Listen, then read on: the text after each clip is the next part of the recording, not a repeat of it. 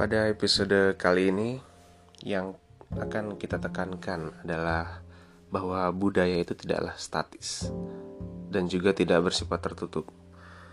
Ini pula bisa dikaitkan dengan klaim-klaim kebudayaan bahwa ada juga beberapa orang ataupun beberapa masyarakat yang berkembang belakangan ini mengklaim bahwa budaya itu bersifat statis dan merupakan kepemilikan abadi mereka. Jadi budaya diandaikan sebagai suatu hal yang tetap, tidak berubah dan melekat sebagai atau menjadi identitas suatu masyarakat tertentu. Seperti misalnya budaya Minang, budaya Aceh, dan budaya-budaya lainnya. Memang uh, ketidakstatisan atau uh, dinamika budaya ini tidak berlangsung secara cepat, melainkan melalui proses-proses yang panjang, tentunya dengan rangkaian sejarah yang panjang pula. Alasan terkuat menyebut bahwa budaya bukanlah suatu hal yang statis, karena budaya merupakan corong pengalaman dari manusia, atau budaya itu merupakan hasil dari uh, penghayatan manusia akan dunianya yang kemudian dituangkan dalam bentuk sistem sosial, uh, sistem ekonomi misalnya, ataupun sistem politik, dan juga yang tidak bisa dilupakan atau tidak bisa dianulir lagi adalah sistem bahasa. Maka tidak heran jika semisal kita flashback 100 tahun yang lalu kebudayaan yang berkembang di Jawa ataupun di uh, belahan dunia lain itu akan sangat berbeda dengan apa yang kita temui sekarang. Karena kebudayaan itu selalu mengalami metamorfosa sesuai dengan uh, menyesuaikan dengan horizon pelaku budaya, yakni manusia itu sendiri. Jadi di sini saya teringat dengan suatu analogi yang ditawarkan oleh Clifford Geertz, sosok yang mungkin sangat masyur di Indonesia karena penelitiannya banyak dilakukan di Indonesia. Yang merupakan sosok antropolog yang sangat terkenal. Meskipun sekarang uh, pada disiplin ilmu antropologi Clifford Geertz mulai agak sedikit ditinggalkan ya. Karena begitulah dinamika pemikiran kan? Ketika ada suatu pemikiran yang mapan itu hanya bersifat temporal. Suatu saat pasti ada pembantahnya dan begitu seterusnya Nah, analogi Clifford Gates ini mengatakan bahwa kebudayaan itu seperti gurita. Jadi tentakel-tentakel ataupun uh, apa jari-jari jari-jari gurita itu itu kan merupakan suatu uh, kesatuan dengan tubuhnya gitu. Akan tetapi meskipun dia adalah satu kesatuan dengan tubuhnya, dengan tubuh si gurita, tetapi tentakel-tentakel ini ataupun jari-jari ini itu ujung-ujungnya itu tetap memiliki otonomi sendiri mau bergerak ke mana dan mau bergerak ke sini atau ke situ seperti itu. Nah di sini ibaratnya seperti itu. Kebudayaan juga ya tidak ubahnya seperti gurita kalau kata Clifford Geertz nah jadi eh, berangkat dari analogi tersebut kebudayaan itu bersisi ganda di satu sisi dia merupakan suatu hal yang sangat sosial sekali dan di sisi yang lain ia sangat personal. Nah, dengan penjelasan yang lain seperti ini sederhananya. Pada uh, aspek ataupun sisi tertentu, kebudayaan itu bisa kita justifikasi sebagai suatu sistem sosial. Karena aspek sosialnya sangat kental jika kita lihat dari sisi yang satu ini. Nah, akan tetapi kalau kita lihat dari wajah lain atau dari sisi lain, yang paling jelas dari kebudayaan itu sebenarnya kan aspek praktis. Bagaimana kebudayaan itu termanifestasikan di dalam praktik sosial kemasyarakatan yang jika kita spesifikkan lagi partisipan dari masyarakat itu kan adalah individu-individu Nah, di sini mungkin kita tidak melibatkan ketegangan antara uh, ketegangan di dalam antropologi ya, antara kutub lebih penting mana individu ataukah masyarakat gitu. Masyarakat yang menentukan individu ataukah individu yang menentukan masyarakat. Kita skip dulu diskursus itu. Nah wajah yang paling jelas dari budaya itu ya tampak pada perilaku personal dan individual nah bahkan mungkin ini bisa didebat juga bahwa individu itu berkedudukan sebagai faktor penentu di dalam dinamika sistem kebudayaan. Nah, dari situlah kita bisa menarik uh, refleks uh, refleksi kritis bahwa memang kebudayaan bagaimanapun ia dilegitimasi ya dan dijustifikasi oleh masyarakat sebagai kepemilikannya atas kebudayaan itu akan tetapi setiap uh, individu yang berada dalam masyarakat itu memiliki preferensi politik yang berbeda, kepentingan-kepentingan yang bersifat jangka pendek dan jangka panjang tentunya. Kemudian sejarah juga yang berbeda setiap individu. Karena di setiap masyarakat kan eh, apalagi di zaman sekarang tidak ada masyarakat yang seprimordial yang diidealkan oleh eh, para teoretikus-teoretikus sosial ataupun antropolog-antropolog klasik. Di mana sekarang e, contohnya adalah pop culture misalnya, yang merupakan turunan dari masyarakat tertentu yang memegang suatu kebudayaan populer tertentu yang tentunya bersifat sangat kental dengan temporalitasnya. Nah, mengapa kita bisa mengatakan bahwa budaya pada masa sekarang itu tidak terlalu primordial karena partisipan pembentuk kebudayaan itu tidak tidaklah merupakan suatu hal yang seragam pula. Nah, misalnya kebudayaan X itu terbentuk pada masyarakat Z. Nah, pembentuk dari masyarakat Z ini itu mempunyai preferensi-preferensi yang berbeda soal politik, soal sejarah dan yang paling penting adalah soal tujuan yang hendak dicapai. Nah, preferensi-preferensi mereka yang berbeda ini kemudian disatukan dengan suatu sentimen untuk uh, sentimen identitas, contohnya yang tidak bisa dilepaskan dari tujuan yang hendak dicapai bersama itu. Nah, ketika kebudayaan dijadikan sebagai motor untuk uh, mempercepat tercapainya suatu tujuan bersama. Semisal kita di Indonesia ingin maju pada tahun 2030 semisal ataupun tahun-tahun yang diidealkan uh, oleh pemerintah dalam program SDGs-nya misalnya. Nah, di situ maka secara politis pemerintah akan menggembor-gemborkan lagi soal kebudayaan. Bagaimana kebudayaan ini dijadikan sebagai motor penggerak uh, bisa saja secara pragmatis atau secara utilitarianis untuk menggapai suatu tujuan yang hendak dicapai itu, semisal Indonesia Emas tahun 2030. Nah, di sini kebudayaan tak ubahnya adalah sebuah uh, motor politik karena kebudayaan tidak lagi diresapi secara primordial, tidak lagi diresapi secara uh, primordial maksudnya di sini adalah penghayatan atas warisan luhur misalnya. Tetapi motif-motif lain seperti misalnya pasca bom Bali dulu uh, turis-turis itu pada sepi kan. Nah di situ muncul wacana ajak Bali, pengajakan lagi budaya-budaya leluhur.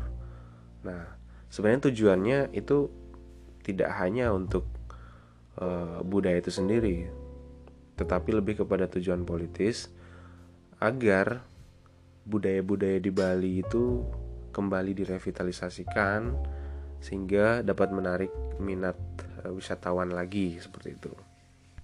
Nah, berangkat dari dari itu kita bisa menarik kesimpulan sementara bahwa kebudayaan punya caranya sendiri untuk merubah dirinya sendiri seperti itu. karena kebudayaan ya bagaimanapun juga ya terdiri dari unsur-unsur yang saling berkaitan dan keterkaitannya itu bersifat longgar. Nah, karena itu lingkungan yang merupakan turunan dari kebudayaan ini itu dimungkinkan untuk terjadinya penataan ulang. Jadi eh, penataan ulang kebudayaan itu misalnya kita tahu bahwa budaya Jawa seperti ini pada tahun 2010 eh 2020 sangat dimungkinkan untuk adanya perubahan pada tahun 2050 misalnya ataupun 2040 karena kebudayaan kembali lagi tidak bersifat statis. Nah, misalnya di dalam suatu kebudayaan terdapat sistem kepercayaan yang nggak lagi sesuai dengan tata nilai misalnya, ataupun eh, kalau dalam perpolitikan itu ada pertentangan antar faksi, antar faksi-faksi politik. Kemudian nama-nama baru yang dihadirkan oleh eh, pelaku budaya ini itu eh, menyerang ataupun menegasikan yang lama. Kalau kondisinya semacam ini ya kebudayaan e, memiliki ketidaktentuannya sendiri. Jadi siap nggak ada yang tahu bagaimana budaya ini ke depannya seperti apa gitu. Apakah mungkin budaya tata kerama di Jawa ataupun di daerah-daerah Indonesia lainnya itu akan sama seperti sekarang di waktu di waktu yang akan mendatang.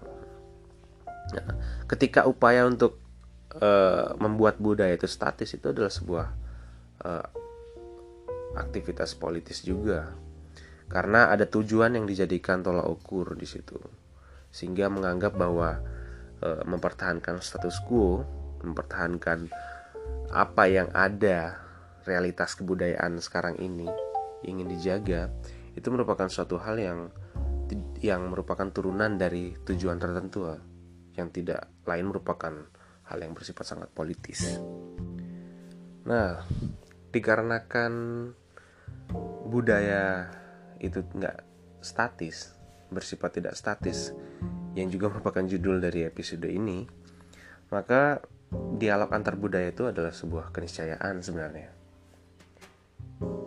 Oleh karena itu kita nggak perlu takut ketika ada pertemuan budaya satu dengan budaya lainnya. Memang filtrasi budaya itu sah-sah saja. Karena tadi seperti yang sudah saya jelaskan sebelumnya, ketika ada upaya untuk mempertahankan status quo kebudayaan tertentu eh, dengan eh, tolak ukur suatu kondisi yang dibayangkan bahwa ada kondisi yang berbahaya bagi kebudayaan ini atau kondisi yang tidak sesuai dengan budaya ini itu sah-sah saja. Karena itu merupakan bagian uh, politik di dalam kebudayaan. Yang merupakan turunan dari tujuan-tujuan yang hendak dicapai bersama itu. Nah, jika sosok uh, konkret kebudayaan atau manifestasi dari kebudayaan adalah perilaku personal yang parsial, parsial dari masyarakat misalnya ya maka dialog antar budaya itu merupakan suatu hal yang tidak bisa dihindari karena bisa jadi uh, individu-individu dalam masyarakat ini jenuh dengan suatu kebudayaan dan hendak uh, mendialogkannya dengan kebudayaan lain. Nah, konsekuensinya bentuk dialognya itu sangat bersifat intersubjektif. Karena tadi corong dari kebudayaan itu selain pada aspek sosialnya juga pada aspek individual-individual yang otonom dari masyarakat itu. Artinya, kita bisa tahu keunikan budaya kita sendiri. Itu setelah kita melalui pertemuan dengan budaya yang lainnya. Jadi kita akan mengetahui diri kita secara mendalam melalui orang lain, itu sederhananya. Jika tidak ada pertemuan antar budaya, maka orang-orang yang ada di dalam budaya tertentu itu, misalnya orang yang hidup di dalam budaya A, tidak pernah melakukan pertemuan atau komparasi dengan budaya-budaya lain. Nah, maka mereka tidak akan mengalami proses yang lebih maju, budaya itu akan mungkin bisa jadi menjadi membusuk di situ. Tidak bisa menyikapi persoalan-persoalan yang terus terupgrade. Nah, dari situ memang bisa disimpulkan bahwa kebudayaan itu selalu membutuhkan kebudayaan yang lain. Harus ada interrelasi antara kebudayaan. Seperti misalnya budaya Singapura, orang-orang Singapura, orang-orang Thailand, atau bahkan orang-orang uh, Chili ya, sangat jauh kan itu dari Asia. Itu dalam momentum tertentu itu bisa sama kebudayaan mereka. Kita tidak bisa benar-benar membangun tembok yang kokoh seperti misalnya budaya Jawa beda 100% dengan budaya Minang. Kita tidak bisa membangun dikotomi yang sangat ketat seperti itu. Karena budaya itu seperti belut. Tidak bisa terlalu dikekang tidak bisa terlalu dibatasi. Karena ambigu juga ketika kita menganggap bahwa budaya A sangat berbeda dengan budaya B. Sementara di sisi lain ada aspek-aspek tertentu yang saling bersinggungan di sana seperti misalnya aspek sosial. Boleh saja dalam aspek uh, perkawinan budaya A dan budaya B sangat berbeda. Tapi kita bisa lihat dalam aspek religiusitas misalnya ataupun aspek agraris misalnya yang berkaitan dengan bercocok tanam dan sebagainya, pertanian. Itu bisa saja sama aspek-aspek yang dipegang dalam mata pencarian nelayan misalnya itu bisa bisa saja sama. Nah maka dari itu memang budaya tidak perlu mengungkung diri dan menutup diri dengan pertemuan yang lain. Karena memang secara filosofis pertemuan itu sangat mempengaruhi pengalaman pengalaman orang yang hidup pengalaman manusia di dalam merancang masa depannya dan memaknai uh, pengalamannya hari ini dan merefleksikan pengalaman masa lalu ke masa kini.